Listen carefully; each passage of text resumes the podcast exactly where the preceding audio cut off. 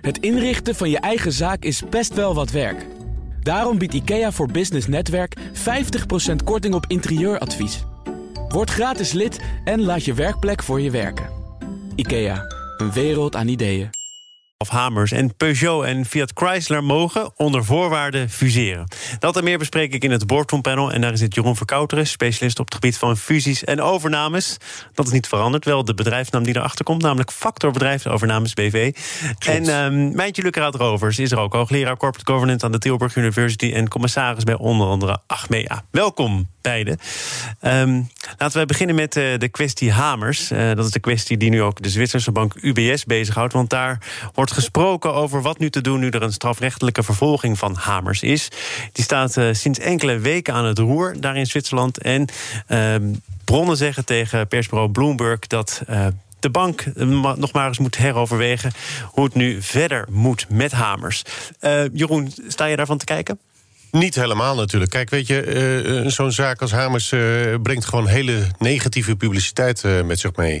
En de bank die zit zelf al onder een vergrootglas. Als dit er dan ook nog eens een keer bij komt, ja, dan maakt het allemaal niet makkelijker natuurlijk. Ja, die bank die ligt onder een vergrootglas, omdat daar ook een zaak speelt over exact, witwassen ja. en of ze daarbij betrokken zijn, ja of nee. Ja. Dat maakt het natuurlijk allemaal wel een tikkeltje precair.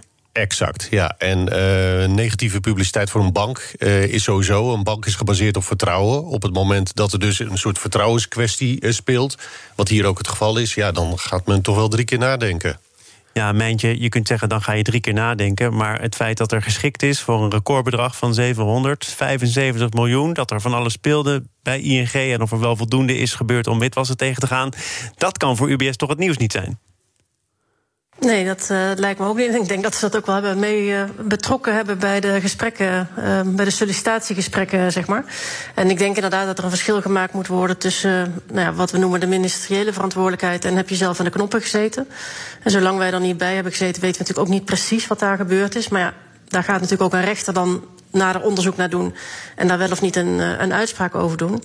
En wat hier denk ik ook meespeelt, waardoor de commissarissen zich inderdaad wel nog eens nou, achter de oren moeten krabben is dat zo'n zaak natuurlijk ook gewoon heel lang gaat duren. En dat dat ook de focus van de topman weghaalt bij het bedrijf. Dus los van de kwestie zelf, wordt die gewoon nu straks in beslag genomen door iets wat nou ja, ongelooflijk veel tijd en energie en aandacht en uh, negativiteit oproept. Ik denk dat ze zich daar ook zorgen maken. Tenminste, dat zou ik doen als commissaris. Ik denk dat dat een heel goed punt is. Uh, zeker op het moment dat je uh, terug moet gaan naar Nederland. Je moet je verantwoorden, je moet je verdedigen. Je moet een bepaalde uh, ja, zeg maar, verantwoordelijkheid afleggen naar andere partijen dan naar je eigen raad van commissarissen, naar je eigen aandeelhouders. Ik denk dat dat wel een issue gaat worden. Nou, hij heeft dat tot nu toe overigens niet gedaan. En dat is hem ook door sommigen wel verweten. Dat hij ja. op het moment dat dat nog speelde voor het Hof, dat hij zijn advocaat uh, liet opdagen en dat hij zelf niet is verschenen. Dat is misschien nu achteraf praten, misschien ook makkelijk, maar goedkoop, duurkoop. Nou, ik denk wel dat het wel. Het maakt het wel lastiger. En dan komen we weer terug op die vertrouwenskwestie. Op het moment dat je dat vertrouwen niet uh, uitstraalt. of dat je dat niet kan geven aan partijen. dan, dan ja, heb je wel de schijn tegen. Ja, mijntje. Dan moeten we natuurlijk wel uh, zeggen dat als het allemaal klopt van die interne discussies bij UBS, dat er nu zaken bij worden gehaald die dan ook weer wat minder met die kwestie rond Hamers te maken hebben. Namelijk het feit dat de topmanagers vinden dat het toch wel een haastklus was, die benoeming van Hamers. En dat interne kandidaten geen kans hebben gekregen. Dat hij toch eigenlijk wat weinig ervaring had op het gebied van vermogensbeheer. Ja, daar kun je achteraf natuurlijk een heel mooi verhaal van maken.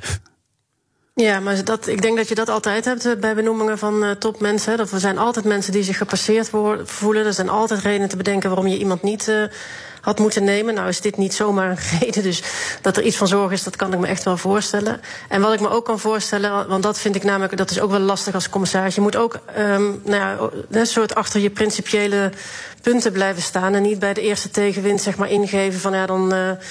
Dan lozen we hem toch, zeg maar. Dus het, ik snap best wel dat ze met ook met een principieel dilemma zitten van ja, hoe lang blijven we achter iemand staan?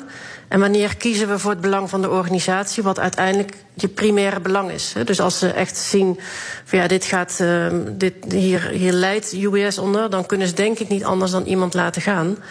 Uh, aan de andere kant vind ik dat je ook een bepaalde ethische verantwoordelijkheid hebt. Dat je niet bij het minste of het geringste iemand laat vallen, zeg maar. Dus ik kan me heel goed voorstellen dat dit best een lastige afweging is. Maar als je nu na, na een paar weken, een paar maanden al iemand zou offeren. Dat is toch ook uh, wel, wel echt gezichtsverlies? Of zie ik dat verkeerd, meentje? Ja, dat is denk ik echt. En ik denk dat ze gewoon niet gerekend, of gerekend hebben. En ik denk heel veel mensen niet. Omdat het, toch het idee bestond: verder is een schikking en daarmee is het klaar. Uh, dat ze gewoon niet erop gerekend hebben dat dit, dit terug uh, had kunnen komen. Want als ze daar wel rekening mee hadden gehouden, dan kan ik me niet voorstellen dat ze over waren gegaan tot de benoeming totdat dat achter de rug nee. was. Ja, kun jij Meentje daar wat, wat, wat in algemenere zin iets over zeggen? Want dat klopt natuurlijk wel. Hè. Er is geschikt voor een recordbedrag. En de gedachte was tot deze zaak. Nou, er is geschikt. Dan ben je ook daarna weer vrij om te gaan en staan waar je wil. Dan, dan is het afgehandeld, dan is het uh, verleden tijd. Gaat dit nu ook nog voor bestuurders in de toekomst echt problemen opleveren? Ik heb geen idee, want dat is inderdaad echt een juridisch vraagstuk. Wat echt een complex vraagstuk is, ook in, in mijn vakgebied.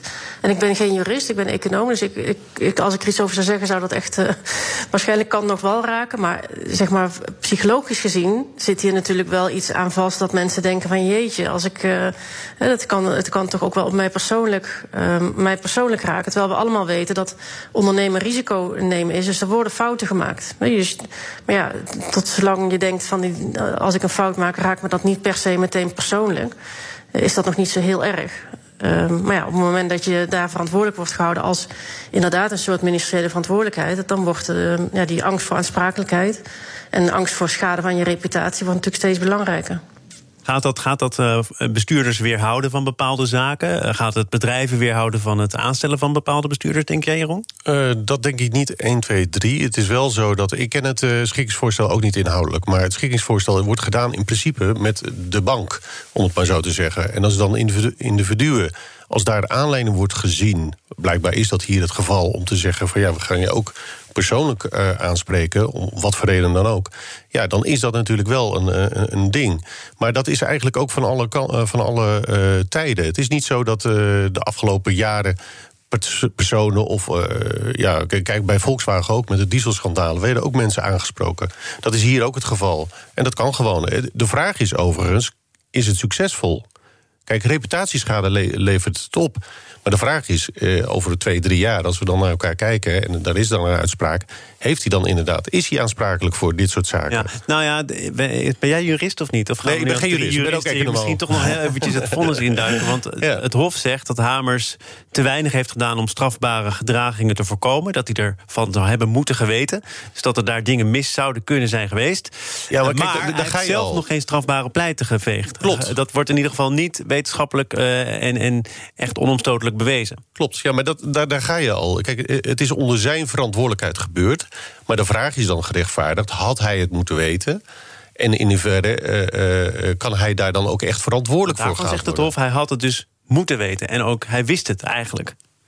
Ja, maar dat ja. is natuurlijk, want dat gaat natuurlijk om die kwestie van is uh, feitelijk leidinggevende. Tot hoever kan je in controle zijn als bestuurder in je organisatie? En nou kan ik me best wel voorstellen dat de ene zaak is de andere zaak niet. Hè? Want ik denk dat iedereen begrijpt dat je als bestuurder niet van een hele grote organisatie weet wat er tot en met de werkvloer gebeurt. Alleen dit was zo omvangrijk dat denk ik de rechter heeft gedacht van ja, dit, dit is niet zomaar een, een zaakje, dit is een, een structureel probleem. En daar had hij van moeten weten. En, en dat is natuurlijk een hele nou interessante vraag. Van, uh, tot, tot waar gaat die feitelijk leidinggevende verantwoordelijkheid? En ondertussen vinden we dat die heel erg ver gaat. Het betekent bijvoorbeeld ook dat mensen, eh, als je het hebt over het Integrated Report, dat, dat heel veel bestuurders dat niet willen uh, tekenen. Dus dat je ook bijvoorbeeld je maatschappelijke doelen opneemt in je jaarverslag, omdat ze zeggen van ja, daar ben ik niet van in control. Ik heb daar helemaal geen. Ik, ik weet niet wat er gebeurt uh, in andere landen waar ik dingen bijvoorbeeld afneem. Vind je dus dat ze dat te makkelijk zeggen dan? Om, om ervoor te zorgen dat ze uiteindelijk niet tekst op de neus krijgen?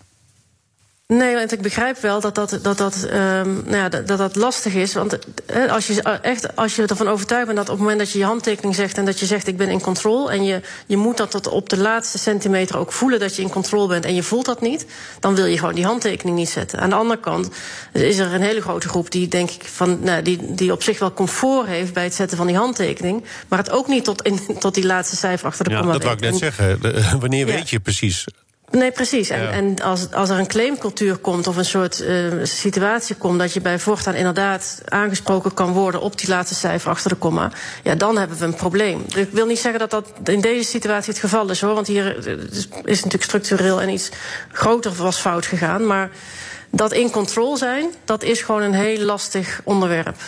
Ja, overigens uh, was denk ik binnen ING ook wel bekend dat er zaken beter hadden gekund. En ze hebben ook al, naar aanleiding van dit schandaal en de schikking, zelf hun CFO natuurlijk uh, laten vertrekken. Of in ieder geval, die is opgestapt.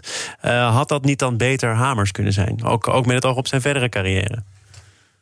Uh, ja, dan had je denk ik echt bij die afweging aanwezig moeten zijn waarom ze daarvoor gekozen hebben. Ze hebben mij weer niet uitgenodigd. Nee, maar, nee, nee. nee. Dat had een keer nee. het, het, geeft wel aan dat de Raad van Commissarissen blijkbaar zelf uh, dacht: uh, CFO laten we gaan en Hamers laten we zitten. Dus daar is een afweging gemaakt. Want natuurlijk is Hamers daar ook besproken. Dat kan niet, dat kan niet anders. Nee, precies. Ja. We gaan even naar een, eh, naar een andere raad van uh, commissarissen. De raad van commissarissen bij EasyJet. Uh, daar moest een commissaris opstappen omdat een aantal aandeelhouders twijfels had geuit over haar rol bij het gevallen Duitse betaalkaart, betaalbedrijf Wirecard. Nou, als we het hebben over bedrijven waar dingen misgaan, dan is het natuurlijk ook wel Wirecard. Maar deze commissaris moet nu opstappen bij EasyJet, omdat ze bij Wirecard bepaalde zaken, belangrijke zaken, heeft nagelaten. Jeroen, is dat begrijpelijk?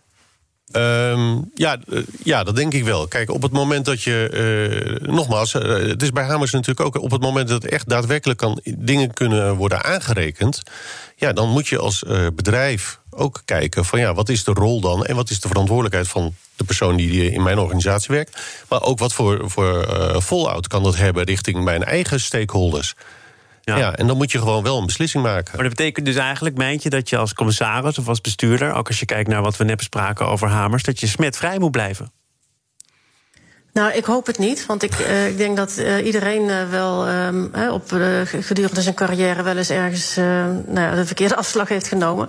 Het gaat denk ik heel erg om de vraag van heb je bewust of onbewust um, bepaalde fouten gemaakt die, nou ja, die jou echt persoonlijk zijn aan te rekenen en die ook nog eens echt goed fout zijn. Hè? Dus als je het hebt over morele vraagstukken.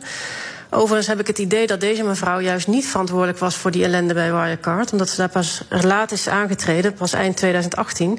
Met als doel het een en ander op te schonen. Ja. Dus de straf voor haar vind ik nog best wel fors. Omdat ze, ze is nu gelinkt aan het schandaal bij Wirecard. Maar heeft daar zelf geen uh, bemoeienis mee gehad. Sterker nog, ze heeft het mee willen opruimen. Maar dan, dan kun je toch zeggen dat dat niet is gelukt? Want ik, ik heb het even opgezocht. Zij was de niet-uitvoerende bestuurder. En ze was de voorzitter van de nieuw opgerichte risico- en nalevingscommissie. die er inderdaad voor moest zorgen dat de interne controles. en het bestuur van Wirecard uh, beter zouden verlopen. Uh, maar ja, dan, dan, kun je toch concluderen dat ze daar niet in is geslaagd? Of ben ik dan. Nee, maar, dat is, nog, dat is, nee, maar dat is natuurlijk echt nog maar heel recent. Dus het is, denk ik, na haar aantreden. is het in een sneltreinvaart gewoon helemaal fout gegaan. En we hebben dat bijvoorbeeld ook bij Imtech gezien hè, in Nederland. Dus ook de commissarissen die daar zeg maar, zijn aangetreden op het moment om het mee te helpen op te ruimen. Denk aan de deze week overleden Kees van Leden. Mm -hmm. um, die zijn later ook meegenomen in die aansprakelijkheidsstelling. Terwijl ze juist uh, dus, bij, met, uh, dus terwijl ze juist zijn aangetreden om iets mee te helpen opruimen. Dus de les die ik hieruit leer is inderdaad van ja, pas op. Hè. Veel commissarissen hebben vaak het idee van ik ga mee helpen. Ik, ga dat, ik kan dat, ik heb daar ervaring mee. Ik, ga dat, ik denk ten eerste dat je daar inderdaad heel erg voor moet oppassen. En aan de andere kant zou ik ervoor willen pleiten dat niet iedereen met een kruisje achter zijn naam voortaan niet meer uh, aan bod komt. Omdat dat. Nou, ten eerste hebben mensen daarvan geleerd. En ten tweede is het ze niet altijd uh, één op één aan te rekenen. En ik denk dat het leidt tot een hele angstige cultuur in de boardroom... waar we sowieso maar, niet Maar Mijntje, wat voor kruisje is dat dan? Want hier lijkt het er dan op dat als er Wirecard achter je naam staat... dat je hoe dan ook uh, schuldig bent en niet geschikt. Ja. Uh, maar er staan misschien ook kruisjes achter een naam... omdat er in het verleden echt dingen verkeerd zijn gegaan. En, en dat Zeker. heeft dan nee, misschien dus, toch gevolgen dan... voor het perspectief... op je verdere carrière. Ja, nou, dan, dan kom je denk ik tot dat uh, ben je onbewust onbekwaam of ben je. Um, uh, dus heb je, heb je expres echt foute dingen gedaan? Dus mensen die, die met, van fraude verdacht zijn of echt willens en wetens dingen de soep in hebben laten lopen of de boel belazerd hebben, ja, die hebben nu gewoon een heel dik vet kruis achter hun naam. Maar iemand die betrokken is geweest bij een organisatie, en ik zeg niet dat dat Wirecard is, maar die um, geprobeerd heeft om met, met ondernemen risico's te nemen. Er is wel eens iets fout gegaan, een bedrijf is failliet gegaan. Um, ja, die heeft, en daar is ook een keer iets misgegaan. Maar moet daarna iemand dan helemaal uitgesloten worden van de boardroom? Nou, ik denk van niet. En daar zit dus een heel groot grijs gebied tussen. Jeroen, dus, uh, vul dat grijze gebied even voor ons in. Met je Nou ja, grijze haar. nou ja, in ieder geval kan je zeggen dat als commissaris zijnde... moet je je ook afvragen welke rol je wil spelen... in het eh, he- meehelpen, zoals je het zelf al zegt. Kijk, je hebt een bepaalde rol, een toezichthoudende rol. Op het moment dat je zelf met je eh, poot in de modder gaat staan... omdat je samen eh, het management wil helpen... ja, dan ga je toch wel een dunne lijn over. En dat is wel het gevaar. Even de, de, los daarvan, het moet het je natuurlijk wel aan te rekenen zijn. Daar ben ik volledig mee eens. Ja. Maar Ja, en met helpen opruimen bedoel ik ook misschien niet zozeer zelf als bestuurder. Maar in dat, want eh, een van je belangrijkste taken als commissaris is ook te zorgen dat die checks en balances in, op orde zijn. Dat je al die, die controles. Nou, dat, bij Wirecard heeft dat er ongetwijfeld aan ontbroken, want anders ben je niet 1,9 miljard kwijt. Ehm, dus dat je mee helpt om die checks en balances weer op orde te krijgen. Dat is ook. eh, Dat, dat zou dan wel bij je taak horen. Nou, stel dat ze dat echt naar eer en geweten heeft gedaan, daar alle zeilen heeft bijgelegd, maar dat het al zo. Of gezet. en dat het al zo mis is dat ze dat niet meer heeft kunnen voorkomen. Ja, dan zou je alleen maar bewondering voor kunnen hebben dat iemand dat mede geprobeerd heeft. En niet eh, bij de volgende functie moeten zeggen van je, ja, daar staat Wirecard achter de naam. Wat daar ook gebeurd is, eh, ze mag hier niet meer blijven. Nou, dat is Nee, eh, mij Jeroen, Jeroen eh, we gaan naar een ander onderwerp. Hè. Dan kan je even je, je telefoon in ieder geval proberen onder controle te krijgen. Want die ging gewoon net af. Ja, nee, ik heb hem uitgezet. Zaken doen. Het boardroom panel is hier. Dat bestaat uit Mijntje Lucraat Rovers, hoogleraar Corporate Governance aan de Tilburg University en commissaris bij onder andere Achmea. En Jeroen Verkouteren, specialist op het gebied van overnames en fusies, verbonden aan Factor Bedrijfsovernames BV. En eh, wij haken even aan bij een van jouw specialismen, namelijk fusies. Peugeot en Fiat Chrysler mogen fuseren onder voorwaarden. Daar is heel erg lang naar gekeken door onder andere de Europese Commissie. Want het wordt wel een groot bedrijf. Eh, wordt er te lang naar gekeken inmiddels, naar dat soort zaken? Ja, eh, ja nee. Kijk, ehm Europese Commissie, maar alle mededingingsautoriteiten, et cetera, die hebben gewoon heel veel tijd nodig om alles te onderzoeken. Zeker bij hele grote fusies. En eh, dat is hier ook het geval. En waarom? Dat heeft te maken met deelmarkten. Met, met hoe is de situatie in bijvoorbeeld Spanje? Hoe is de situatie in Frankrijk? Nou, heb je een, een, ja, zeg maar een overheersende marktaandeel in een specifiek product? Bestelwagentjes. Exact. Ja. Nou ja, en, dan, en op het moment dat die fusies zodanig groot worden dat daar zoveel onderdelen plaatsvinden, ja, dan wordt dat eh, best een lang traject. En dan Maar de moet je- commissie heeft nu gezegd, eh, beste partijen, jullie hebben niet voldoende informatie aangeleverd. ja, dat hebben ze van de zomer gezegd. En zeiden we, ja, ga maar terug naar de tekentafel. We hebben nog wat meer informatie nodig. En vervolgens duurt dat weer drie, vier, vijf maanden verder. Ja, dus je En hebt dat- daar wel begrip voor. Het is nu helemaal zo. Ja, nou ja, goed. Ik denk dat je als eh, eh, boardroom er ook eh, rekening mee moet houden dat dat soort eh, goedkeuringstrajecten gewoon veel langer duren. Eh, afhankelijk van de complexiteit van, van eh, de, eh, zeg maar de fusie. En dat het ook nu nog langer duurt dan vroeger. Ja, ik denk dat het alleen maar toeneemt. Wat er natuurlijk wel kan gebeuren, en dat hebben we de afgelopen maanden een paar keer gezien, is dat de wereld verandert. Ja, en dat er goh. dingen worden afgesproken tussen partijen onderling voor een bepaalde prijs. Klopt. En dat die prijs in één keer wel heel erg hoog uitvalt, of juist niet. En dat die partijen van elkaar af willen. Ja. Hoe moet je daarop anticiperen? Ja, eh, dat blijft ook een lastig verhaal. Eh, laten we even de, de casus eh, Sunweb Corendon aanhalen. Vorig jaar waren ze al rond. Een van de voorwaarden was goedkeuring van de mededingingsautoriteit. Nou, dat heeft heel lang op zich laten wachten. Nou, vervolgens heb je die goedkeuring... en dan is de wereld inmiddels helemaal veranderd in, eh, in dat jaar. Ja, nou ja, en dan gaat er naar andere dingen spelen. Dus heel veel dingen, ja, je kan wel van tevoren zeggen van ja, we gaan dat eh, time managen, zo kort mogelijk houden. Ja. Je kreeg alle commentaren van alle partijen die zeiden ja, nee, het verschil zeg maar, de- tussen de, de- het tekenen van het contract en de closing moet zoveel, moet zo kort mogelijke tijd zitten. Ja, op zich is dat gewoon helemaal waar, maar het moet ook wel realiseerbaar zijn. Ja. En dat is vervelende vaak. Weet je, eh, lange trajecten die ervoor zorgen dat eh, de omstandigheden bij de finish al heel anders zijn dan bij de start. Eh, ja, moet je daarmee leren leven of kun je dat toch op een bepaalde manier incalculeren? Ja, ik denk dat je daarmee moet leren leven. Je hebt het dan natuurlijk ook over de, hè, de zwarte zwanen, de dingen die je niet ziet. Uh, in de financiële crisis zagen we dat ook. Hè, dat, we, dat er dingen gebeuren. Dat je kan overal scenario's van maken. En dan, en dan was er een scenario waar niemand rekening mee had gehouden. Nou, dat is nu denk ik ook weer. En als ik eerlijk gezegd zelf terugkijk naar begin maart.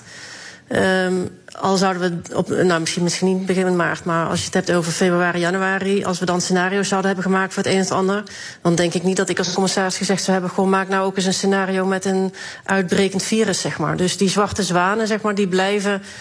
Uh, we kunnen denk ik nu niet bedenken wat zou nou eens de volgende zwarte zwaan kunnen zijn. Je moet het wel proberen, je moet het wel echt proberen te doen. Maar dan nog zijn er soms dingen die gewoon ondenkbaar zijn. Ja, je ziet inderdaad wel dat volgens mij bij, bij alle kleine lettertjes die verschillende bedrijven en organisaties nu moeten opnemen, dat onder de risico's wordt geschaard pandemie. Ja. het zal nu nooit meer verdwijnen. Verzekeringsmaatschappijen. ja, bijvoorbeeld verzekeringsmaatschappijen. Ja, en onbindende voorwaarden. Ja, exact. maar wat. Dus maar dat is altijd het risico dat je dan opneemt dat je niet had voorzien. Dat is een staartrisico volgens mij heet dat. Hè? Nou ja, zo kan, kan ik me ook nog herinneren toen ik nog in de financiële sector werkte, dat er, dat er ook altijd van die voorbehouden waren van, voor dingen van alles wat van boven komt. En dus dat, je, dat waren dan de voorbehouden. Ja, dat kon dus, dat kon dus alles zijn. Ja, aan, aan weer, storm, uh, milieu, wat dan ook. Alles wat van boven komt. Virusdeeltjes. Ja, ga dat dan later, ja, ga dat dan later maar definiëren wat dat is. Ja. ja. Hey, uh, nog even, even terug naar de fusie zelf. Uh, Carlo Bransen, die is hier regelmatig op BNR te horen als petrolhead. Zit goed in ja. die autowereld. Maar het is een wat algemenere vraag aan jou, Jeroen. Want hij zegt het zijn twee zwakke broeders in het autoland en twee zwakkere spelers. Die vormen samen nog niet één sterke. Dat, nee. dat, kom jij natuurlijk regelmatig tegen. Ja, en, en, dan heb je ook nog eens een keer met twee totaal verschillende bedrijfsculturen te maken. Dat maakt het ook niet makkelijker. Uh, dus het, je moet maar zien of dat uh, tot een succes gaat leiden. Kijk, uh, de schaalvergroting is wel in die branche, om even aan te geven. Nou, mag ik helpen? Jij ja, verdient natuurlijk geld met fusies. Zeg je nou ook vaak, ja, dat mag ik toch zo zeggen. Ja, dat mag, dat mag zeg je, zeker Zeg je nou ja. ook vaak op voorhand al van, ik zou het niet doen? Is weer een transactie minder. Nee, ja, nee, nee, dat is een goede vraag. Is een goede vraag. Ja, nee, ik zeg, wat ik wel altijd aangeef is van, let wel, uh, passen de bedrijven bij elkaar? Want dat is wel een essentiële vraag. En uh, als je die vraag niet met uh, een, een, ja, een, zeg maar, volmondig ja is ook overdreven, maar als je dat niet met een ja kan beantwoorden, moet je er ook niet aan beginnen. En dat is wel, wel essentieel. Veel mensen vergeten gewoon dat bedrijfsculturen wel heel belangrijk zijn. Kijk, het beste voorbeeld is ABN en AMRO. Ja. Dat is een van de beste voorbeelden. Toen die banken bij elkaar werden gezet, hebben bij elkaar de, de tent uitgevochten de eerste paar jaren. Uiteindelijk wordt het één cultuur, maar dan ben je wel wat verder. KLM en France. Nou. Ja, zijn die er over een paar jaar nog of niet? Want als je nu nou ja, met dat is, dat is dus uh, over zwarte zwanen gesproken. Ja. ja, dat is natuurlijk een andere vraag weer. Maar goed, nee, maar, maar, kijk, maar ook, denk, daar, denk, ook daar speelt de cultuur verschillen. Kan ik, kan, kan ik aan jullie beiden wel stellen? Want dit zijn bedrijven die hebben ingezien dat ze het op eigen kracht alleen niet Klopt. gaan redden. Dus Klopt. dan ga je toch kijken met wie moet ik het dan proberen wel te redden. En dan als je denkt ik red het alleen niet, kan je misschien niet al te kritisch zijn in met welke partner je dan samengaat. Klopt, is helemaal waar. En dat is ook een van de belangrijkste overwegingen is natuurlijk... als je op een moment in een markt zit waar schaalvergroting... en de investeringen die je moet doen... met name bijvoorbeeld elektrisch rijden... ja, weet je, dat zijn gigantische bedragen. Ja, en dan krijg je zo'n, om even te zeggen, Tesla als concurrent. Ja, dan moet je natuurlijk als organisatie daar echt wel op inspelen. Wat, wat, wat zou jij hiervan zeggen, Mijntje? Die twee zwakke broeders die het dan toch proberen samen te gaan rooien? Ja, ik, ik, het verbaast mij wel eens uh, dat, dat, dat daar nog geen oplossing voor is gevonden om die cultuurproblemen. Want we weten dit natuurlijk al, al tientallen jaren dat cultuur zo'n belangrijke rol speelt. En zeker als je het hebt over Frankrijk-Nederland. Het, het, het, voorbeeld van hoe ze lunchen hè, met een broodje kaas met karnemelk, dan wel met een wijntje en een lekker dineetje erbij. Het is natuurlijk al, alleen dat al. Dus ik, ik, soms begrijp ik gewoon niet dat dat dan niet op voorhand. Ja, misschien dat cultuur gewoon weer barstig is dan we denken. Dat, als, als we allemaal weten dat het zo werkt. Het is niet de zoveelste fusie die op hier op, uh, op botst, zeg maar. Dat dat dan nog niet een soort draaiboek voor is om dat dan te voorkomen. Maar een draaiboek om cultuurverschillen op te lossen? Want cultuur is natuurlijk volgens mij bij uitstek tamelijk hardnekkig. Of, ja, maar om daar in ieder geval voor te zorgen dat dat samenkomt. Omdat ze elkaar kunnen luchten en zien. En dat, dat lijkt, het, lijkt, het lijkt dat ze hier eerder verder uit elkaar liggen, gaan uh, liggen dan dat ze dichter bij elkaar komen. Dus dat. Hm. Ja, ik, ik snap het wel. Ik, ik snap dat een cultuur, dat je dat niet zomaar een mengvorm van maakt. Maar uh, wat moet je, moet je dan maar inderdaad besluiten om het nooit meer te doen? Lever jij nog een soort uh, draaiboekje aan als de, als de fusie of de overname een feit is?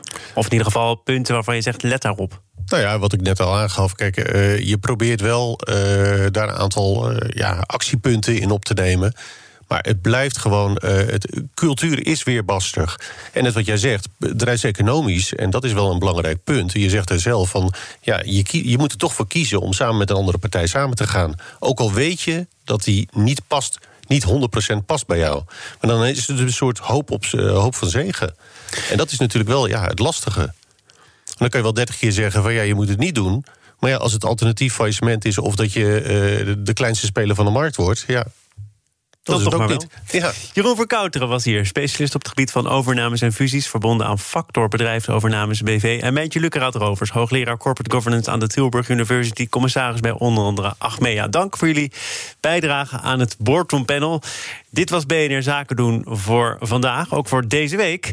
Maandag, dan uh, meld ik me weer, dan is uh, Nova Media, de nieuwe topvrouw Sigrid van Aken te gast. En Nova Media is het bedrijf achter onder andere de Postcode Loterij, de Bank Giro Loterij, maar ook verschillende uitgevers. Wat die twee zaken in één bedrijf met elkaar doen en met elkaar te maken hebben. Dat hoor je dus maandag in BNR Zaken doen. Eerst is het uh, zometeen tijd voor Nieuwsroom, onze dagelijkse podcast van het FD en BNR. En daarna is het tijd voor kerst.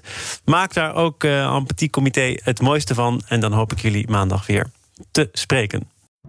Als ondernemer hoef je niet te besparen op je werkplek. Want IKEA voor Business Netwerk biedt korting op verschillende IKEA-producten. Word gratis lid en laat je werkplek voor je werken. IKEA, een wereld aan ideeën.